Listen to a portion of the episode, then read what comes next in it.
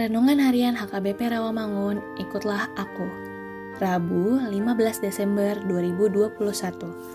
Dengan judul Melihat Kuasa dan Kemuliaan Anak Manusia.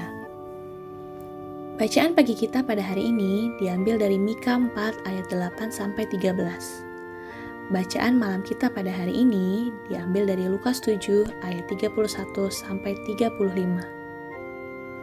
Dan kebenaran firman Tuhan pada hari ini diambil dari Lukas 21 ayat 27. Yang berbunyi, pada waktu itu orang akan melihat anak manusia datang dalam awan dengan segala kekuasaan dan kemuliaannya. Kapankah Tuhan Yesus datang ke dunia ini?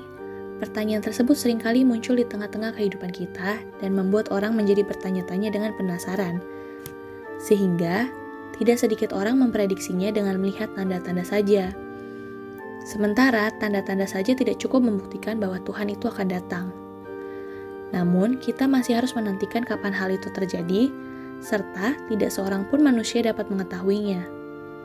Sehingga, hari-hari kita masuk dalam masa penantian kedatangan Tuhan. Kita tidak tahu untuk berapa lama menantikan kedatangan Tuhan Yesus kembali. Yang diminta kepada kita bersiap sedia kapan pun waktunya, serta mengisi waktu penantian itu dengan hal-hal yang dikehendaki Tuhan. Jikalau kita ingin melihat kemuliaan dan kuasa Tuhan dan ingin dibawa ke dalam kemuliaannya, kita harus dijumpai senantiasa, selalu berbuah dalam hidup ini.